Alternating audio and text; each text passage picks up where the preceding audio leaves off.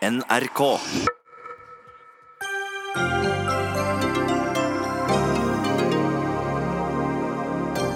Hun forsøkte å si fra om ukultur og maktmisbruk. Nå gir lege Marie Louise Sunde opp og slutter i kirurgstillinga på Ahus. Hva er det med sykehusene som gjør at så mange føler seg trakassert, og så få tør å si ifra? Grove kriminalsaker blir liggende og liggende. Ferdig etterforskede saker blir også liggende, urørt. Med det resultat at kriminelle får strafferabatt. Vi spør riksadvokat Tor Aksel Busch hva årsaken er, og hva som kan være løsninga.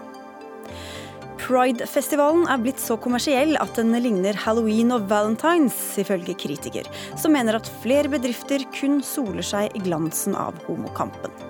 Og filming dreper fotballen, sukker kommentator. Disse pinglete, latterlige og feige spillerne tar livet av den vakreste sporten som finnes, skriver han.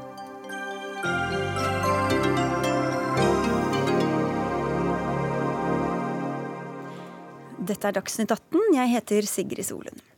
Dobbelt så mye seksuell trakassering som i andre bransjer, maktmisbruk og ukultur. Det er problemer i helsevesenet utover de, det vi pasienter gjerne merker.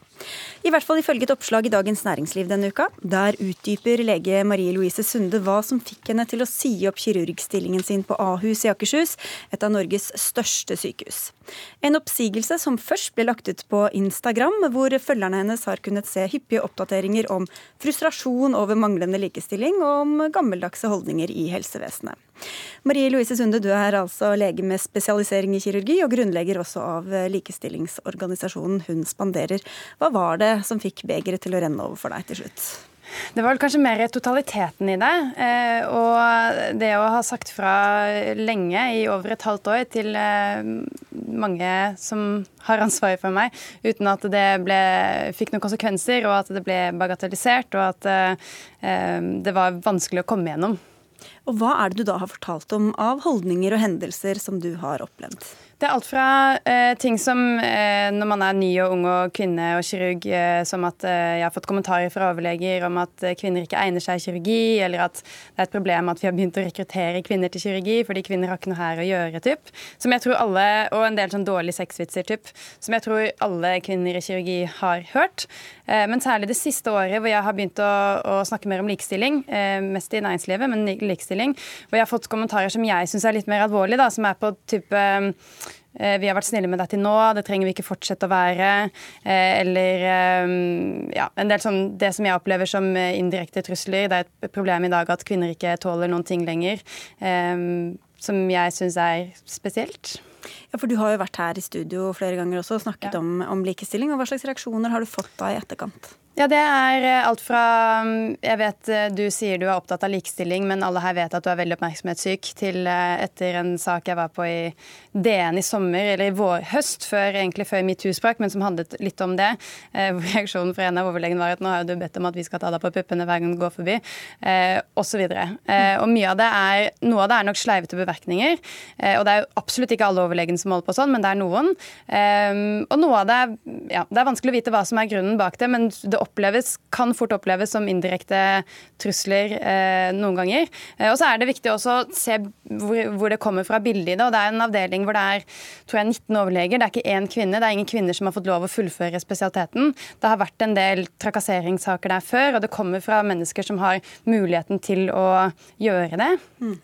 Men hva med deg, har du også opplevd ren seksuell trakassering, beføling, sånne ting? Eh, ja, men det, det, tror jeg også igjen veldig mange kvinnelige kirurger har opplevd, og det blir man nesten vant til, på en måte. Og det er nesten ikke det som er eh, det som oppleves som mest problematisk. Det som oppleves som mest problematisk, er de kommentarene som går mer på at eh, vi har vært snille med deg til nå, men det trenger vi ikke fortsette å være. Og særlig i lys av det når vi har sett kvinner eh, før som har fått veldig dårlig behandling, og som har blitt trakassert og blitt presset ut og eh, blitt eh, en som gikk til sak mot avdelingen for et halvt år siden, og som ble hengt ut på internundervisning i tre kvarter av ledelsen eh, uten å være der selv. Og, det, og da, da, er det vanskelig å vite hva som bare er sleivete bemerkninger, og hva som er ment som indirekte trusler. Og det blir slitsomt i lengden.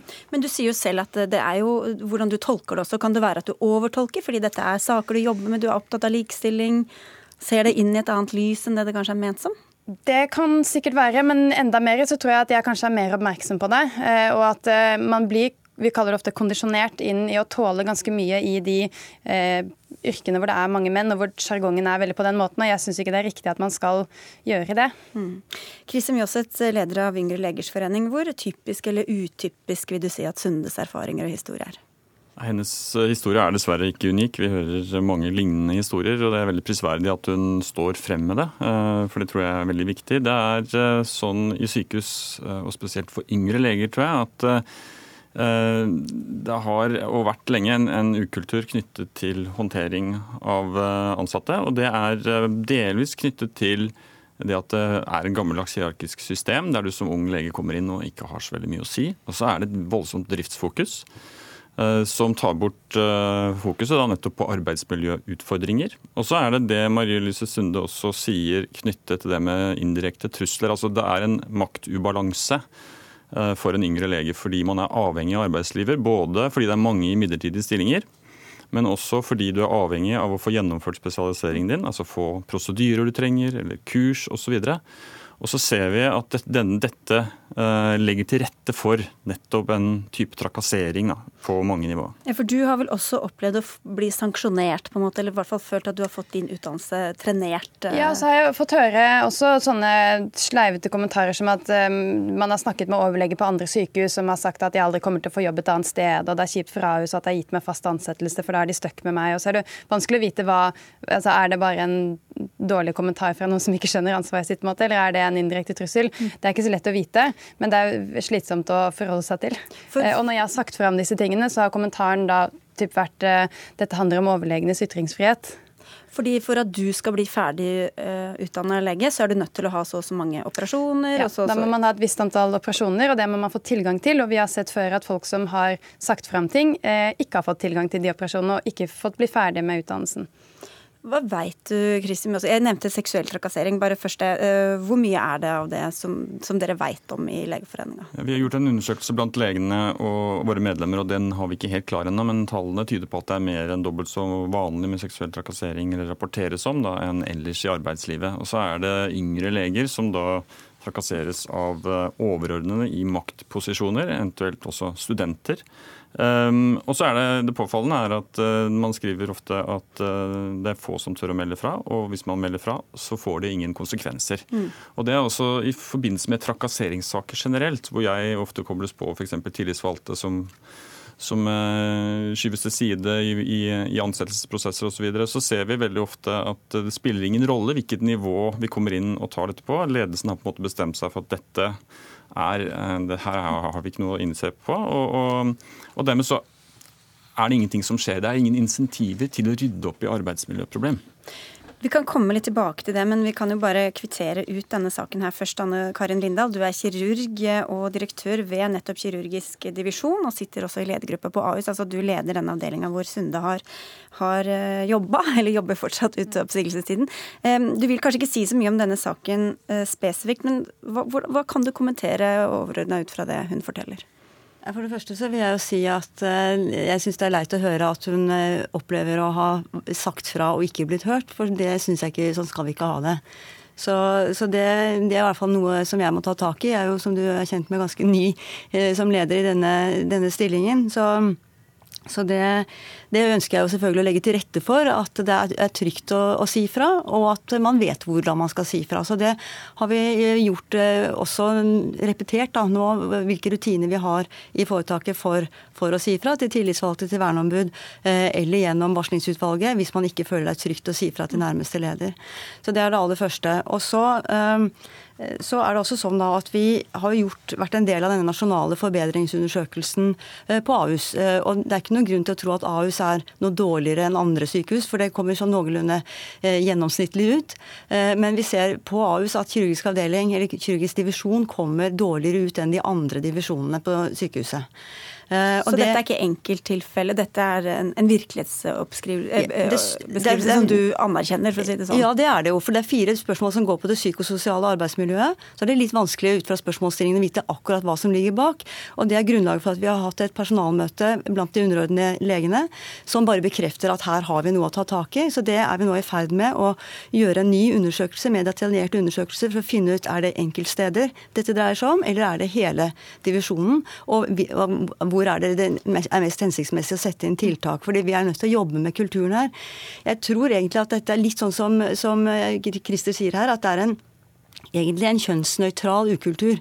Eh, og så kommer kjønnsdimensjonen som et tilleggsmoment. Men bare for å høre hvordan du har fulgt opp, fordi dere, etter hva jeg forstått, så hadde dere et allmøte i går hvor vel Sunde ikke var eh, representert, men hvor du tok opp denne saken? Nei, det er ikke helt riktig. Jeg, jeg fant med utgangspunkt i, i, at denne saken ble slått opp i DN, eh, å besøke en av avdelingene, den, den avdelingen som Sunde arbeider på. Jeg visste ikke at hun ikke var til stede.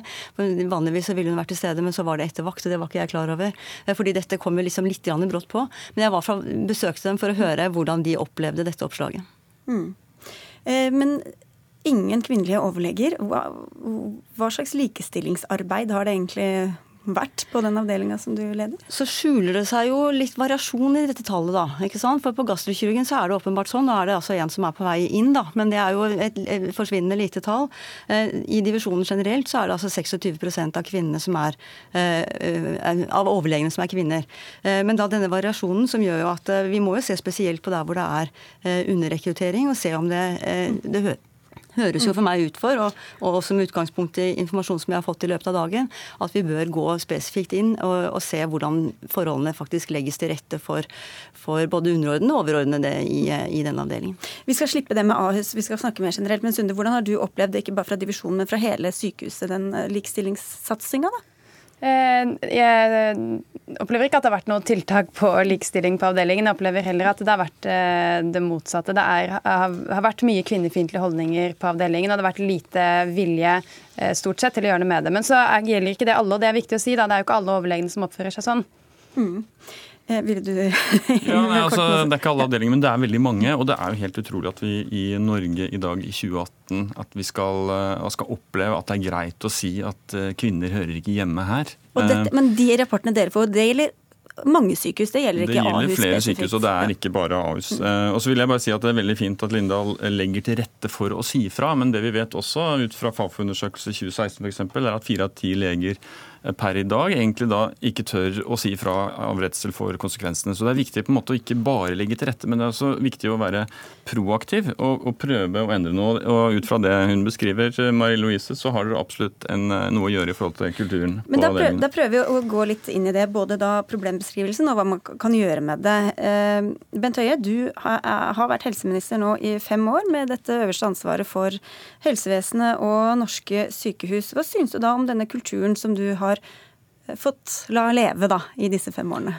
For det første så er jo det helt uakseptabelt eh, det som, som vi hører her. og Jeg er òg eh, veldig takknemlig for at Sunde står fram og forteller sin historie. Eh, og så er det jo sånn at dette er jo en diskusjon som vi har hatt, og ikke minst har Yngre legers forening òg vært opptatt av dette over lengre tid. Ikke bare seksuell trakassering, men hele spørsmålet knytta til det å våge å si ifra. Fordi selvfølgelig seksuell trakassering er helt uakseptabelt uansett hvor det foregår. Eh, trakassering og frykt er òg uakseptabelt, men i helsetjenesten så har det en tilleggsdimensjon eh, som vi heller ikke må glemme. det At dette kan eh, gå utover pasienten og pasientsikkerheten. For folk som føler seg trua på jobb, som ikke føler at de kan gi beskjed om at noe er galt, da øker òg eh, risikoen eh, for pasientene. Ja, for Det er ikke bare sin egen behandling de kanskje ikke tør å si fra om, det kan være helt andre det ting også? Det betyr òg at de gjerne da er redde for f.eks. å si fra forhold på avdelingen som kan gå utover pasientens sikkerhet. Og Det er òg bakgrunnen for at jeg i, i fjor eh, ba om at eh, nå måtte en slutte å se på helse, miljø og sikkerhet for de ansatte og pasientsikkerhet som to ulike spørsmål. Eh, og så at dette må en se sammen. og Det resulterte da i at vi sammen med de tillitsvalgte lagde den undersøkelsen som jeg fikk overrakt eh, på mandag, eh, som etter forbedringer som du òg refererer til, der vi nettopp har spurt om eh, spørsmål om, om dette. Og Den viser at 1,25% svarer nei på spørsmålet. At på min arbeidsplass så foregår det ikke seksuell trakassering. Så kan jeg si at det høres lite ut. Men dette er jo en undersøkelse som omfatter nærmere 100 000 mennesker. Det betyr at i den undersøkelsen er det 1500 Eh, som, jeg, som, ikke kan svare svare avkreftende på at det ikke foregår seksuell trakassering. Men så var spørsmålet egentlig, Hva er det du har gjort? Hvor, du har sittet som ansvarlig i fem år. Ja, det, er det, som er, men det er dette du har bestilt en ny nei, undersøkelse? Nei, Vi har jo ganske eh, mange undersøkelser fra så, før som viser mye av det samme. Nei, Det som er poenget med denne undersøkelsen, for det første, det er at den nå får kartlegge på samme måte på alle sykehus i hele Norge. Det at den er gjort i et samarbeidsprosjekt med de tilsvalgte, og ikke minst at den er òg forankra hos de tilsvalgte knytta til at det foregår en konkret oppfølging av eh, rapporten, som nå gjennomføres i alle, alle, sykehus. I tillegg til at den da òg vil bli omfattet av det som er den nye forbedringsforskriften for kvalitet i sykehuset. Så dette, nettopp det at vi gjør de tiltakene som jeg har gjort på dette området, gjør at nå blir dette håndtert mm. systematisk og kunnskapsbasert i alle sykehus i hele Norge. Okay. Ja, Vi berømmer Høie for å, ha satt fokus på dette, og nettopp eh, sammenhengen mellom pasientsikkerhet og arbeidsmiljø. Det, det har vi kommet, Den problemstillingen har vi tatt opp sent. Vi ser fra eh, rapporter fra 2009, 2016. Det, arbeidsmiljøet i sykehus har vært dårlig lenge, og det er på tide å få noe gjort. Og Eh, Høie har vært flink til å ansvarliggjøre eh, RHF-lederne. Du kaller inn konserntillitsvalgte. Altså ja, regionale helseforetakslederne. Eh, men det er jo nede på avdelingsnivå mye av dette her skjer. Og jeg lurer litt på hva han tenker om hvordan det skal skje nå. Man trenger, sånn som jeg nevnte, insentiver. Altså regelrette insentiver for å gjøre noe, tror jeg. Fordi dette har, dette har vart altfor lenge. Så tror jeg man må gjøre noe med varslingssystemene. fordi ofte når man varsler i linjen, så er det bekvemmelig for arbeidsgiver å avfeie varslingene. Um, og kanskje han kan kommentere litt på det. Jeg skal bare slippe til Sundt også først. Ja, for jeg tenker at jeg er inne på noe med det når man ser på hvordan er det det skal følges opp. Og det er litt det som Jåseth også har sagt, at i dag så er sykehusene målt på drift, på ventelister og fristbrudd osv. Og, så og er, så lenge driften er grei, så er det ikke så mye annet som får konsekvenser. Og jeg tror at noe av oppfølgingen i det her må gå på at f.eks. utdannelse til uh, assistentleger må følges og måles på lik linje med driften. Uh, at arbeidsmiljøet må følges og måles på lik linje med driften, og at det må få konsekvenser for avdelingene målingene hvis det er brudd på den type målinger, på samme måte som at hvis det er fristbrudd av andre årsaker. For Problemet i dag er at alt er så skjult, ikke sant? og alt skjer i Det er ingen åpenhet. og Det er noe av en av de siste undersøkelsene fra Legeforeningen, at leger på sykehus skårer kjempelavt på autonomi og åpenhet. Eh, og, og, ingenting skjer så lenge driften ikke affiseres. Ja, fordi eh, Det er jo et litt sånn komplisert system her. Eh, Høie, du forholder deg til de regionale helseforetakene, som igjen forholder seg til helseforetakene, altså sykehusene under seg igjen. Og de rapporterer da oppover tilbake til deg på disse, disse kriteriene kriteriene som det blir listet opp her nå. Ventelister, korridorpasienter osv. Men eh, hva med da å, å melde fra oss om disse kriteriene på, på progresjon, på åpenhet? Og Det er nettopp det som jeg nå har fortalt at vi har innført. Og Det betyr at uh, sykehusene nå blir målt på dette. Men de blir ikke bare målt på resultatene. De er også satt i system måten som de skal følge opp resultatene på. Eh, så Det betyr at eh, nå vil det ikke være sånn at en kan ha en generell diskusjon om disse tingene. Vi har nå tall for hver enkelt sykehusavdeling i hele Norge når det gjelder disse spørsmålene. Og Det betyr at eh, jeg har innført en forskrift som gjør at lederne på hver enkelt avdeling på alle sykehus i Norge er nå forplikta til å følge opp denne undersøkelsen og sette i gang forbedringsarbeid. Men ikke bare det.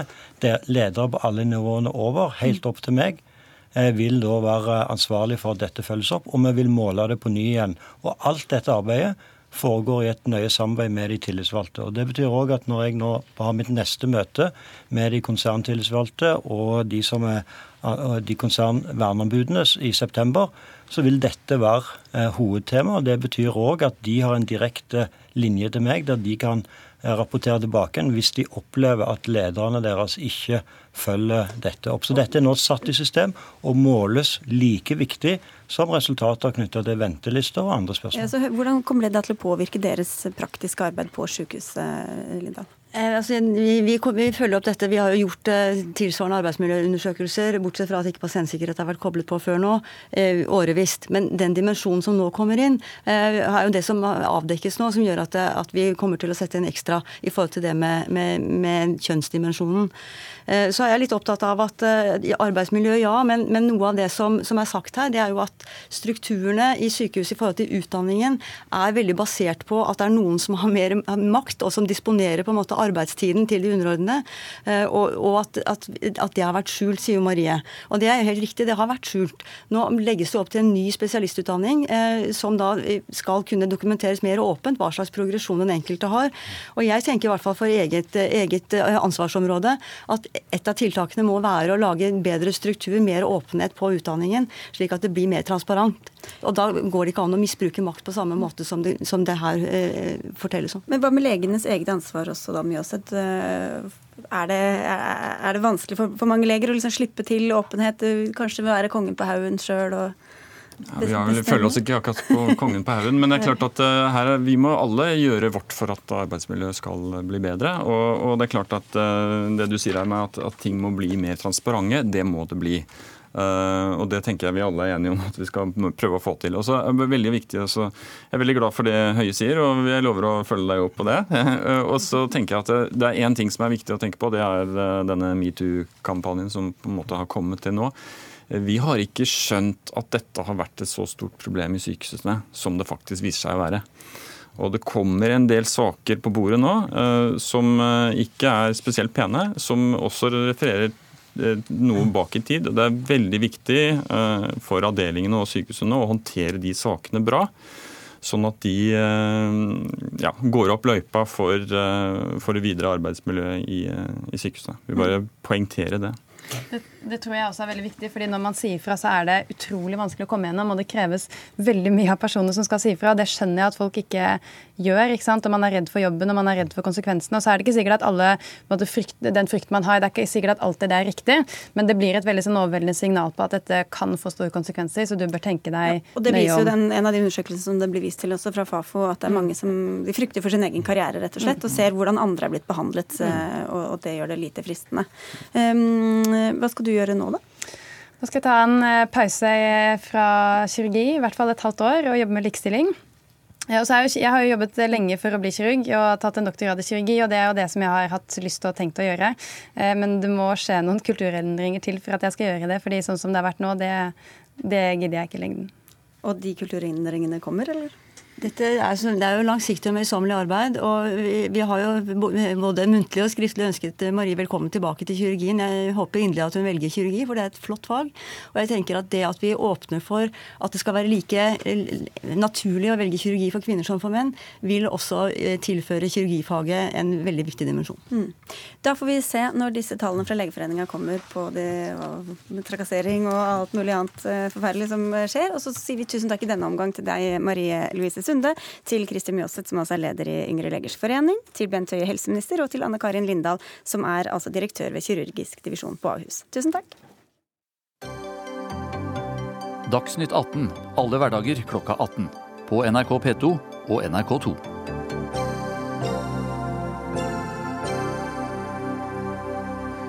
Skal vi over til et annet område som ikke er mindre komplisert. Eh, grove kriminalitetssaker blir liggende på vent i over ett år.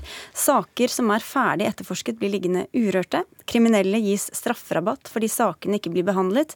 Det er økt arbeidspress og for få jurister. Det er noe av det NRK har fortalt om i flere saker den siste tida.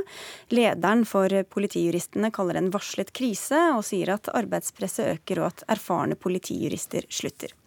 Velkommen, riksadvokator riksadvokat Aksel Busch. Takk. Hvor alvorlig vil du si det bildet som tegnes her? Situasjonen er alvorlig, det er ingen tvil om det. Jeg hadde et møte for et halvt års tid siden med nesten samtlige tillitsvalgte fra de ulike politidistrikter.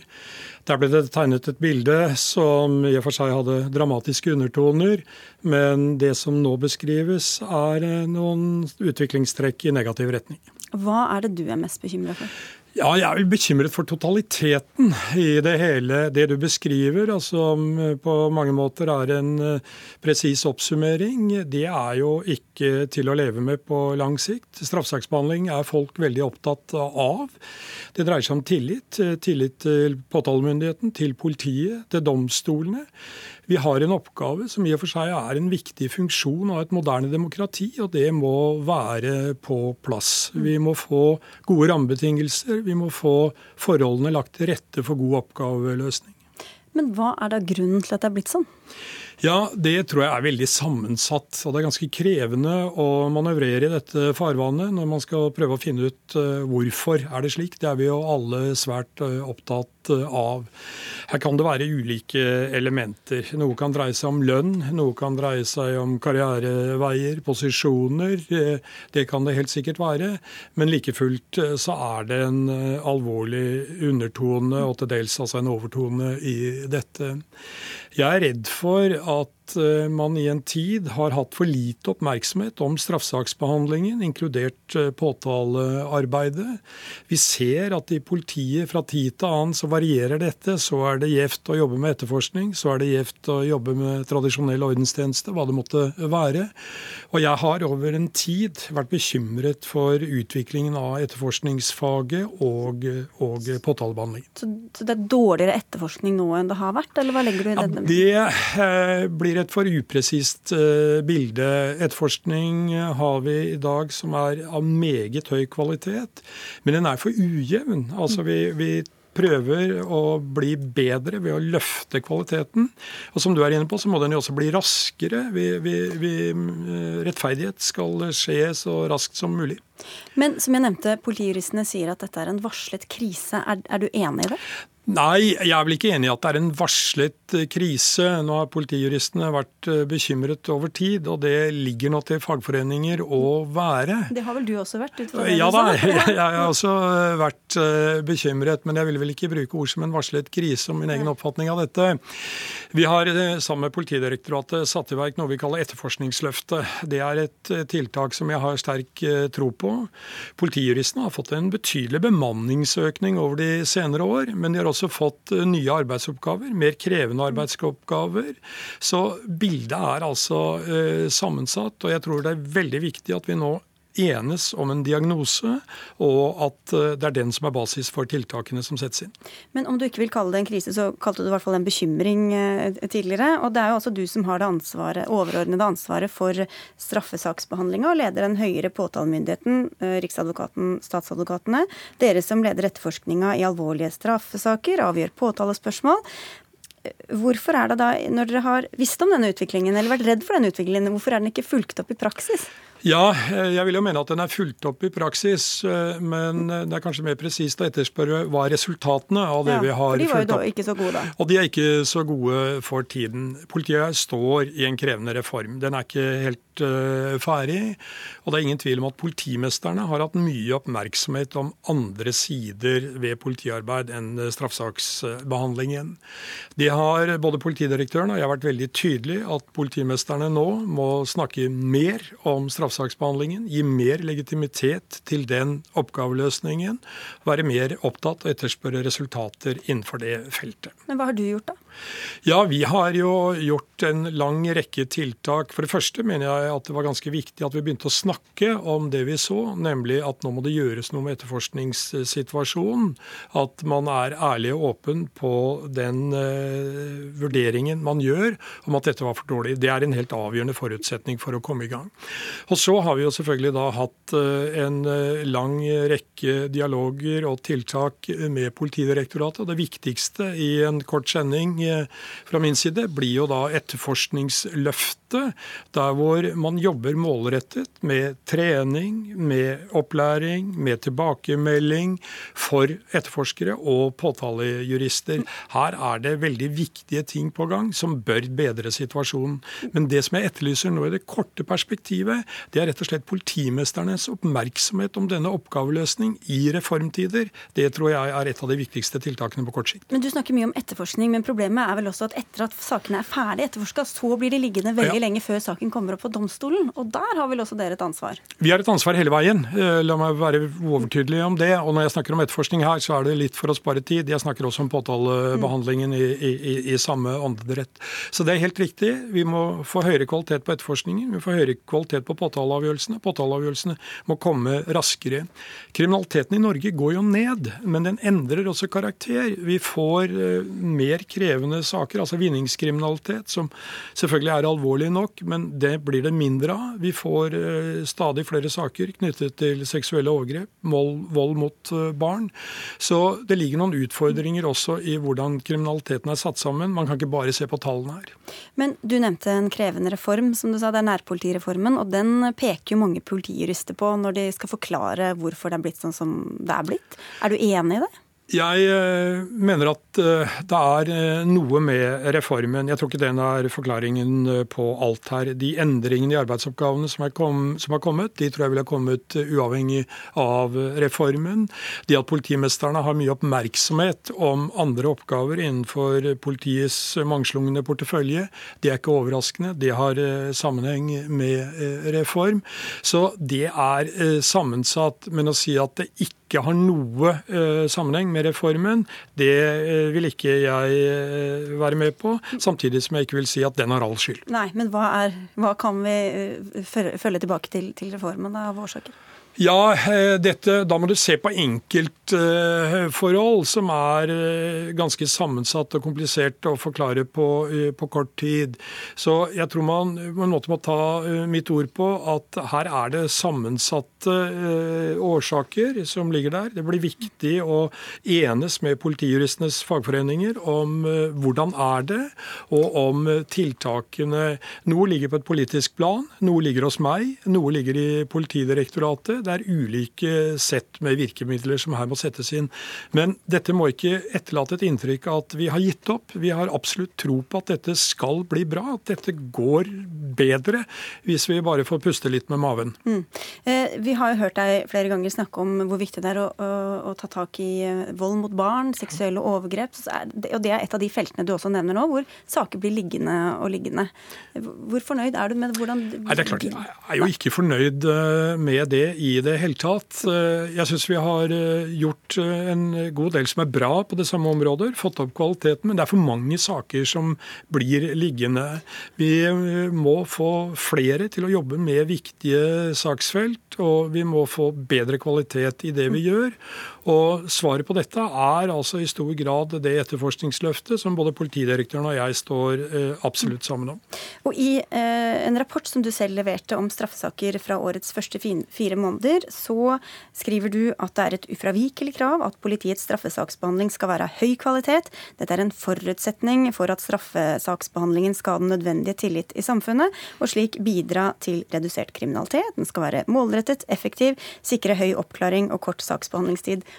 Hvordan stemmer det overens med det Nei, bildet du nettopp har? Det, det stemmer jo ikke med diagnosen, det er helt på det rene. Men eh, målene er tydelige, det er dit eh, vi skal. Og vi som holder på med dette, vi må jo ta inn over oss at vi er satt til å forvalte da samfunnets eh, sterkeste virkemiddel, altså bruk av straff.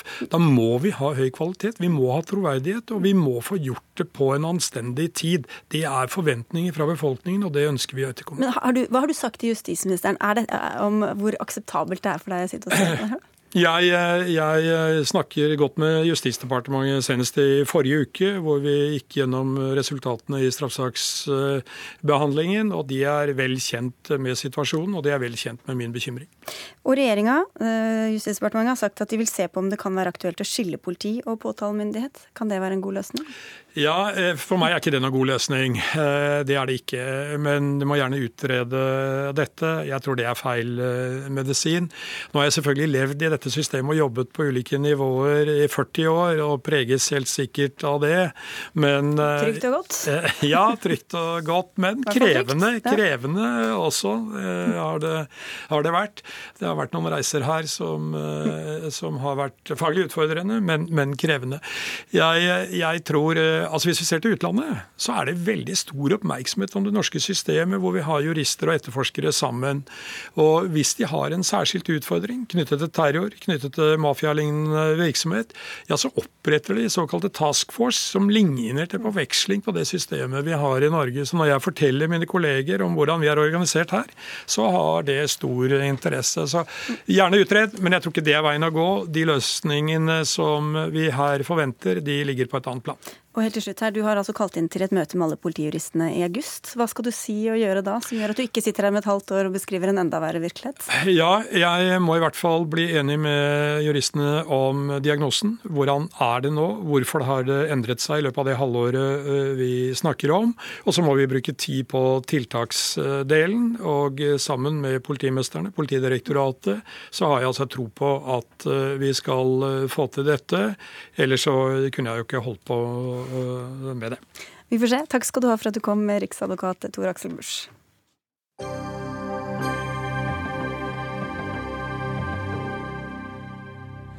Vi har sett det flere ganger i løpet av VM i Russland. Spillere som teatralsk kaster seg i bakken etter en lett berøring fra en av motstanderne. Vi så det da Brasils store stjerne Neymar junior gikk i bakken en rekke ganger i kampen mot Sveits, og da Portugals PP kastet seg i gresset etter å ha blitt klapsa på skuldrene to ganger. Vi snakker om filming, og filming er i ferd med å drepe fotballen, skriver du Egon Holstad, du er kommentator i avisa i eh, Tromsø. Hvorfor er dette så skadelig med litt filming på banen? Nei, nå er det ingen, som, eh, det er ingen mennesker som eh, dør av det her. Du er kanskje det, treget av saken vi hadde i forkant ja, det, det blir litt sånn snål kontrast. Mens vi holder oss til fotballen, ja. som, jo, som, jo, engasjerer en, en hel verden eh, for, for tida, i hvert fall store deler. Så, så ser jeg en helt klar sånn tendens som har, som har pågått veldig lenge, og der filming, altså der man later som man har smerte, og later som man blir takla, og later som man får vondt når man ikke har det blir mer og mer akseptert. Eh, og når jeg ser liksom sånn eh, voksne menn i sin beste alder som, som, spiller idrett på det absolutt høyeste nivået i verden, og som blir sett på av millioner og milliarder seere, og som hiver seg ned og ruller overdrevet i sånn påtatt fake smerte. Med, med ansiktsuttrykk som man skulle tro de får skutt på med, med, med pistol eller gevær uten at noen har vært borti dem, så, så sliter jeg med å, å, å se underholdningsverdien i, i, kampen som sådan. Og det er det her jeg liksom er er redd for at bare skal bre seg videre ut i fotballen. Jeg tror liksom at Når unger sitter og ser på, på sine store helter, for her snakker vi om de største heltene i, i, i internasjonal fotball, og ser at de eh, driver på med det her, så begynner de å ta etter dem. Jeg er mye mye, mye mer redd for det her enn folk som slår ned andre på banen, som for det blir faktisk eh, sanksjonert mot. De blir straffa, de, de, får kampkarantene, de får bøter. Mm. Mens det her må tas på samme alvor, og så må det renskes ut og kastes i søpla, sånn at fotballen igjen kan bli ærverdig å se på. Jeg holdt på å si, Det kan jo lære god fallteknikk, men det er kanskje ikke verdt det. Men, uh, hva, hva må... Nei, du, må ikke lære, du må ikke lære fallteknikk når noen ikke har vært borti deg. Da skal man ikke dette ned. Det er ufint, og det er sånn som man lærer hjemme. Men Hva må gjøres da for å få bukt med det? Nei, altså jeg mener jo at uh, når, man, når, man, ser uh, Nå bruker man veldig mye videodømming, er jo det nye store i, i det her VM-et. og Når man ser at folk bevisst kaster seg ned holder seg for ansiktet og later som om de er blitt slått i hodet, og de har fått et kakk i låret, så må man gi dem bøter og så må man gi dem karantene. Det eneste språket de her folkene forstår, er er bøter som mm. hindrer dem i fotball. Det går ikke an å gi, det går ikke an å gi pengebøter til folk som tjener mer enn deg og du gjør, eh, altså mer i uka enn deg og du gjør i, i året. Så man må, man må sanksjonere med, med regelverk. Når man har videodømming og ser at folk bevisst gjør det, så må de bare lukes ut. Sorry, du får tre kampers karantene, og så mm, henger vi deg ut først til spott og spe, og så kanskje du skjerper deg til, til neste gang. Dan Eggen, du er seksjonsleder for trenerutdanning i Norges Fotballforbund. og tidligere fotballspiller, må vi jo nevne. vet ikke om du pleide å kaste deg i bakken ved den minste berøring? Nei, eh, i hvert fall ikke bevisst. Jeg var mer den andre typen som eh, ble kanskje noen en enkelt gang offer for det, i den grad man kan si det. Men eh, nei, jeg personlig har ikke gjort det. Men jeg regner med at ikke du vil forsvare filming, men hva gjør dere for å, for å fjerne problemet? Eh, det er jo veldig mange nivåer her, men jeg er jo helt enig i at det er for mye filming på i internasjonal toppfotball. Og så er det litt farlig å generalisere òg. Det er litt kulturbestemt. Vi har sett en del nå i de kampene som har vært hittil i VM. Eh, vi har sett det før. Og så kanskje det blir Det er mer nå enn det har vært tidligere. Men det er jo gjort noen grep sånn hvis man går, trekker tida litt lenger tilbake. Altså man får gult kort eh, hvis det er åpenbar filming. Nå har vi fått VAR, som også vil avdekke noen altså, filmingssituasjoner, ja. og det har den jo gjort allerede. Mm. Ja. Eh, og det går jo på det internasjonale. Eh, det at man har litt enda bedre muligheter til å avdekke hva vil være riktig å dømme i, i eh, en gitt situasjon. Men eh, Holstad, er det sånn Hva vi gjør? Ja, ja, ja, unnskyld. Kom igjen. Eh, og Det er jo litt de forskjellige nivåene jeg sikter til. Da. Det er jo selvfølgelig helt uakseptabelt å filme i vår fotball, hvis vi snakker barne- og ungdomsfotball osv. Eh, og så vil det være toppnivå når det ennå er en gevinst i å få frispark i en avgjørende situasjon. Så vil det være noen som faller for fristelsen.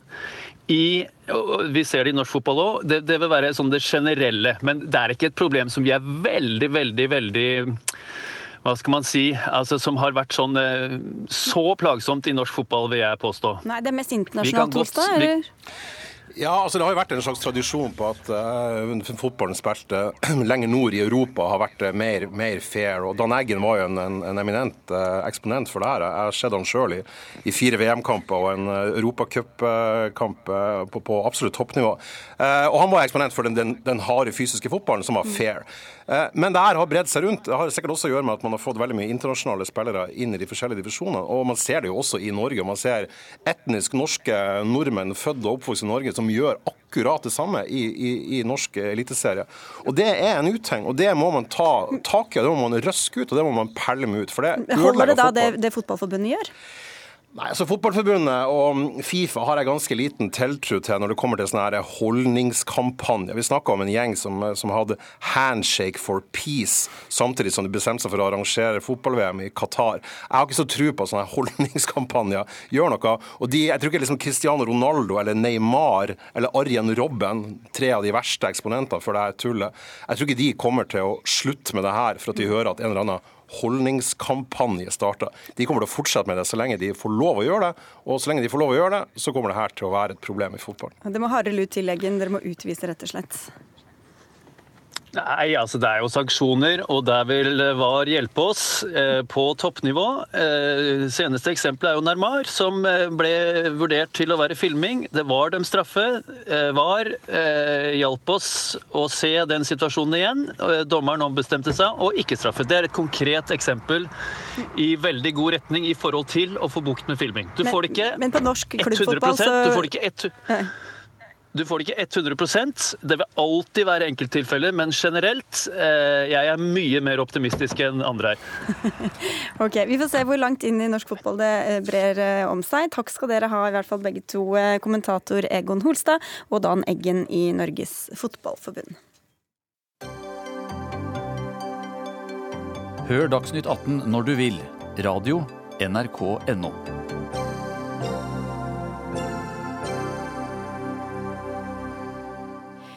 EU-hovedstaden Brussel er nå regjeringssjefene samla til toppmøte, og atter en gang er migrasjon og båtflyktninger tema. Selv om det nå kommer langt færre båtflyktninger enn for tre år siden, er flere enn 1000 mennesker døde eller savnet hittil i år som følge av ferden over Middelhavet, ifølge FN. Korrespondent i Brussel, Philip Lote. I dag kalte Angela Merkel innvandringa et skjebnespørsmål for hele unionen. Hvorfor er det så viktig for henne å få plass, eh, på plass en ny politikk på dette området? Fordi uenighet i hennes egen regjering kan velte den. Hvis ikke hun klarer å levere en løsning på EU-nivå, så har hennes egen innenriksminister sagt at han vil gjeninnføre nasjonal grensekontroll i Tyskland. Eh, det er Merkel imot, og da vil hennes koalisjonsregjering bryte sammen. Schengen-samarbeidet vil bli satt eh, til side, i hvert fall inntil videre.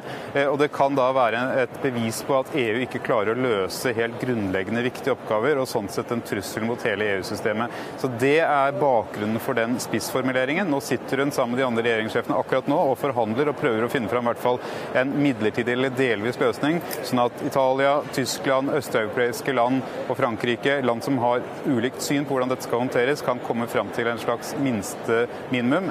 Alternativet er at hun går inn og forhandler med enkeltland, og at Tyskland blir enig med andre EU-land eh, hver for seg om hvordan man foreløpig kan håndtere migrantspørsmålet på en bedre måte. Ja, hvor går de eh, skillelinjene på, på, på synet på dette mellom de europeiske landene?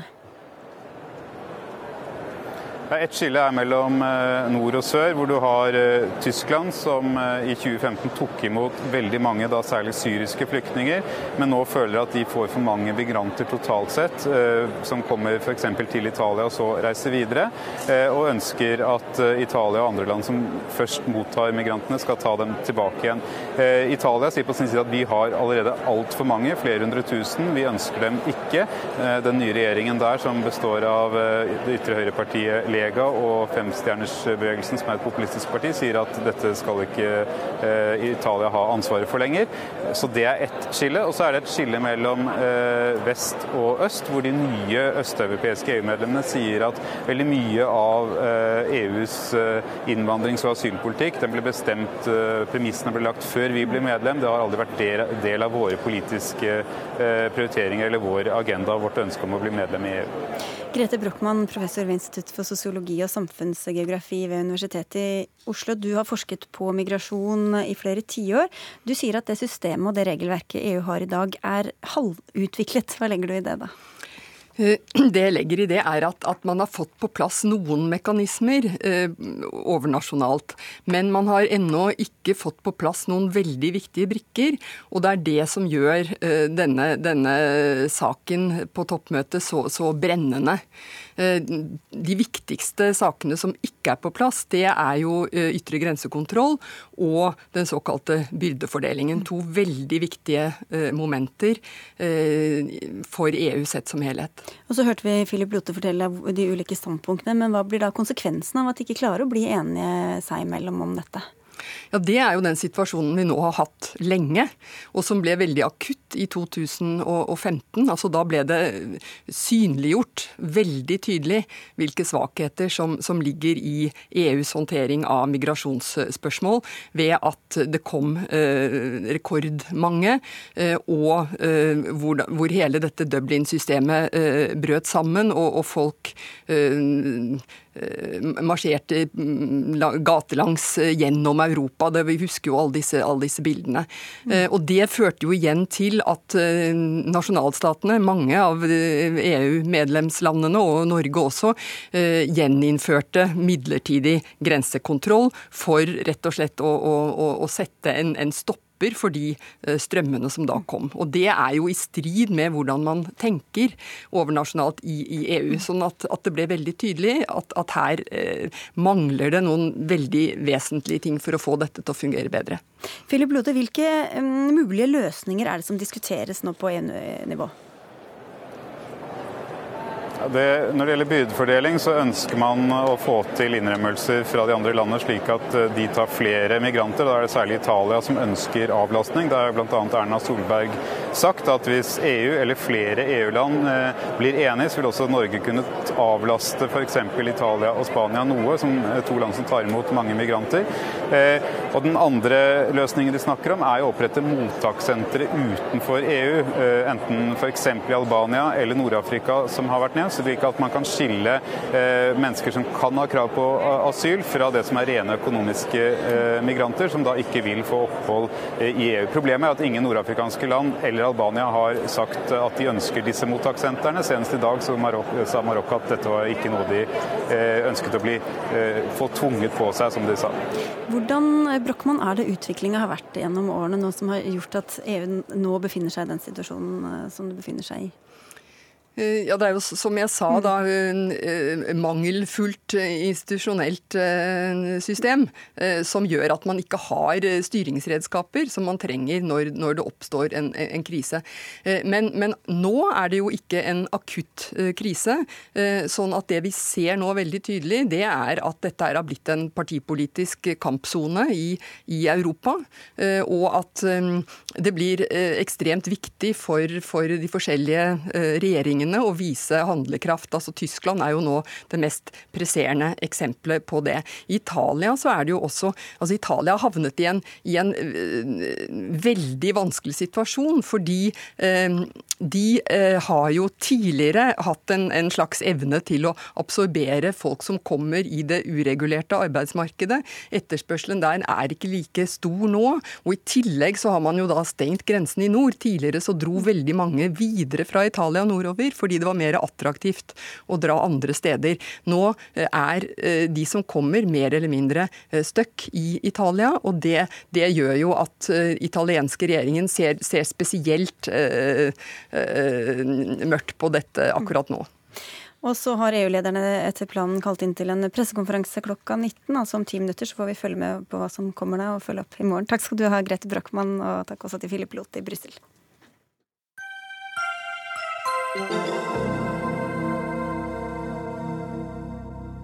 Hele landet har det vært Pride-festivaler, og denne uka er det hovedstaden som markerer skeiv kjærlighet. I bybildet finner vi DNB-logoer med regnbuebakgrunn, hoteller gir pride-rabatt på overnattinger, og hos Nille får vi kjøpt regnbuegarn.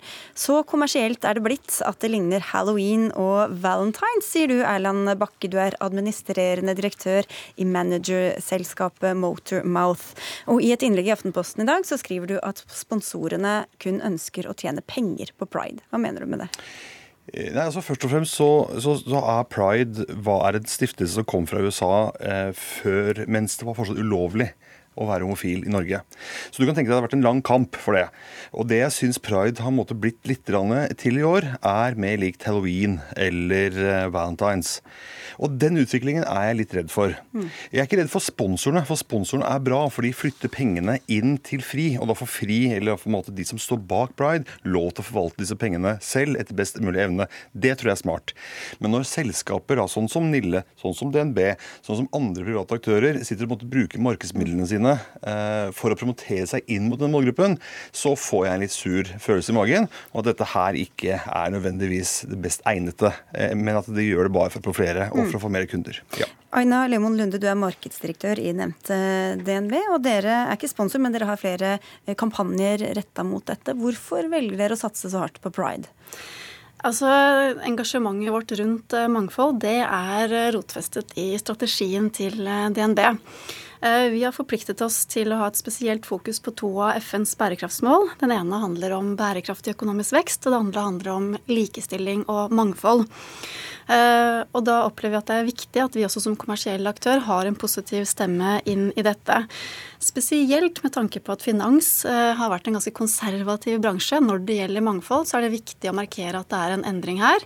Det er viktig å vise både til våre to millioner kunder, men det er også veldig viktig for oss å vise i forhold til de 10 000 ansatte som jobber i DNB, at vi er en arbeidsplass også for alle. Hvordan kan du vite at dette ikke er et ektefølt engasjement fra bedriftenes side? der Bakke? Altså, Når det gjelder DNB her, så, så, så, ser jeg at det er et engasjement, og jeg hører hva hun sier. Eh, det syns er rart, er at hvis dette her er nedfelt i DNB, og DNB er et norsk foretak, men som har stor markedsandel også utenfor Norges grenser.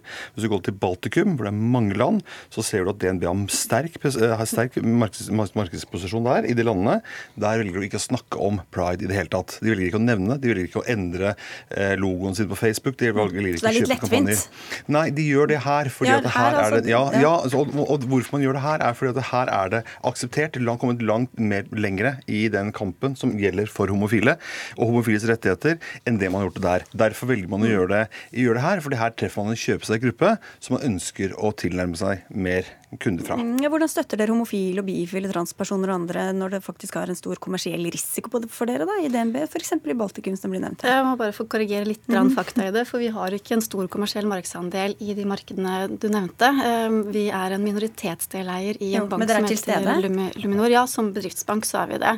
Men det er klart at det er i Norge hvor vi har en så stor posisjon i markedet og snakker til minst to millioner kunder, at vi ser at vi har størst mulighet til å være med å påvirke holdninger. Men, Men de holdningene når, er jo der litt allerede, er ja, ikke det, fra før og, og, når det er sagt, mm. så fikk vi også tilbakemeldinger litt sånn utfordring på dette her i fjor. Og da valgte vi også i år å oversette det materiellet vi lagde i forbindelse med pride til engelsk, og tilgjengeliggjøre det også internasjonalt gjennom vår egen, eh, egen Facebook-konto.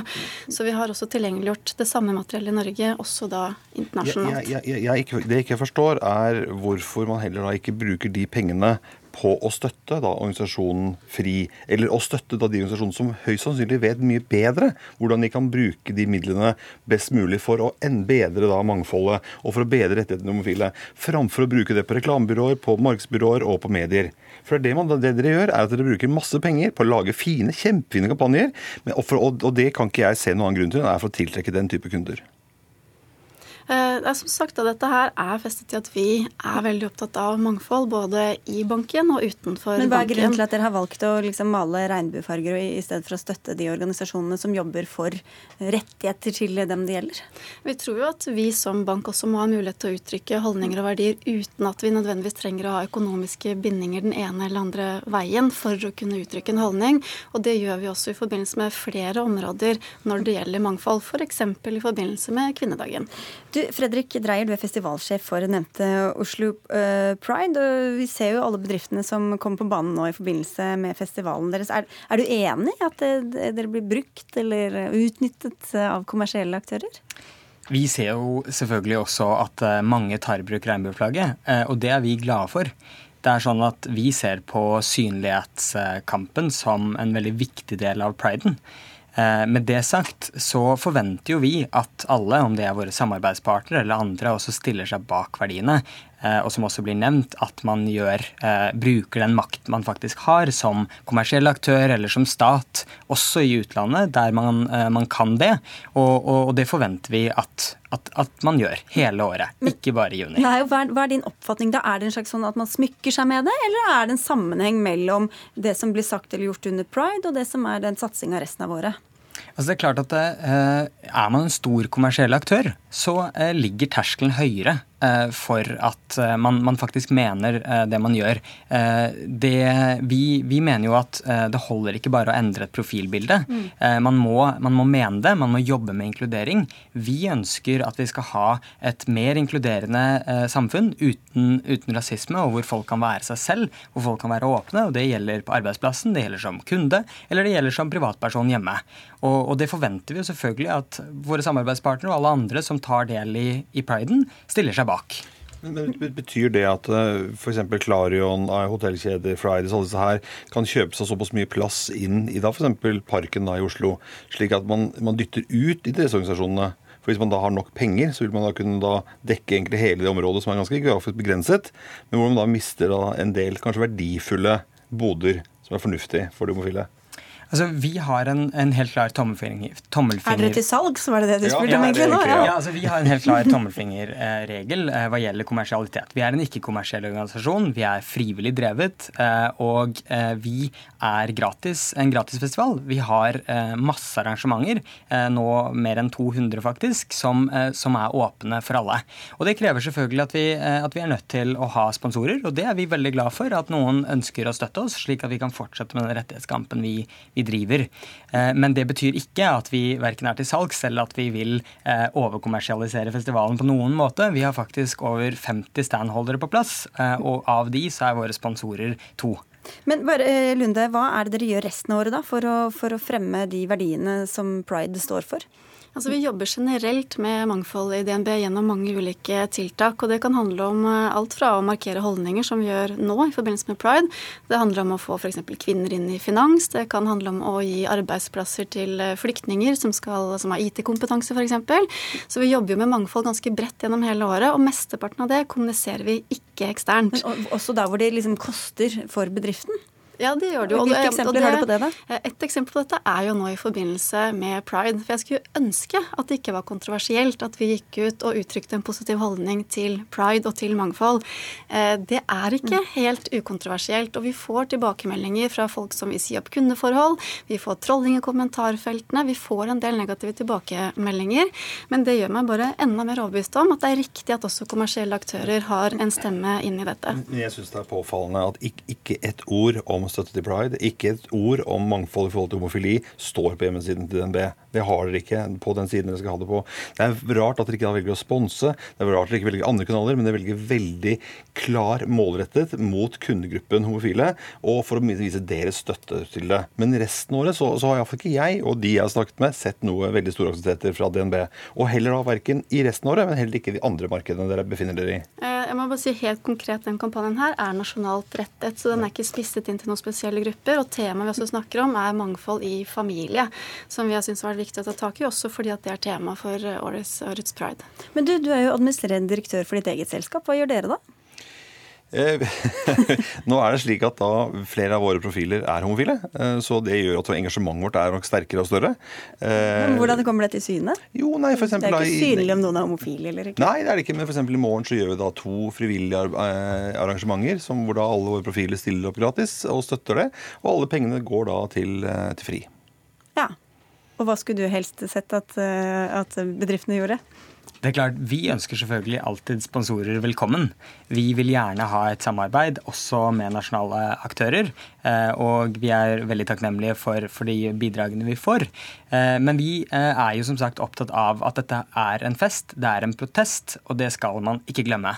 Vi skal skape et mer inkluderende samfunn, og det ønsker vi at alle er med på og bidrar til hele året. Takk. Fest og protest, det får bli siste stikkord. Takk skal dere ha, Erland Bakke, som er altså administrerende direktør i Motormouth, Aina Lemon Lunde i DNB og Fredrik Dreyer i Oslo Pride. Vi takker for følget og ønsker en god kveld fra Ingebjørg Sæbø, Lisbeth Sellereit og Sigrid Solund.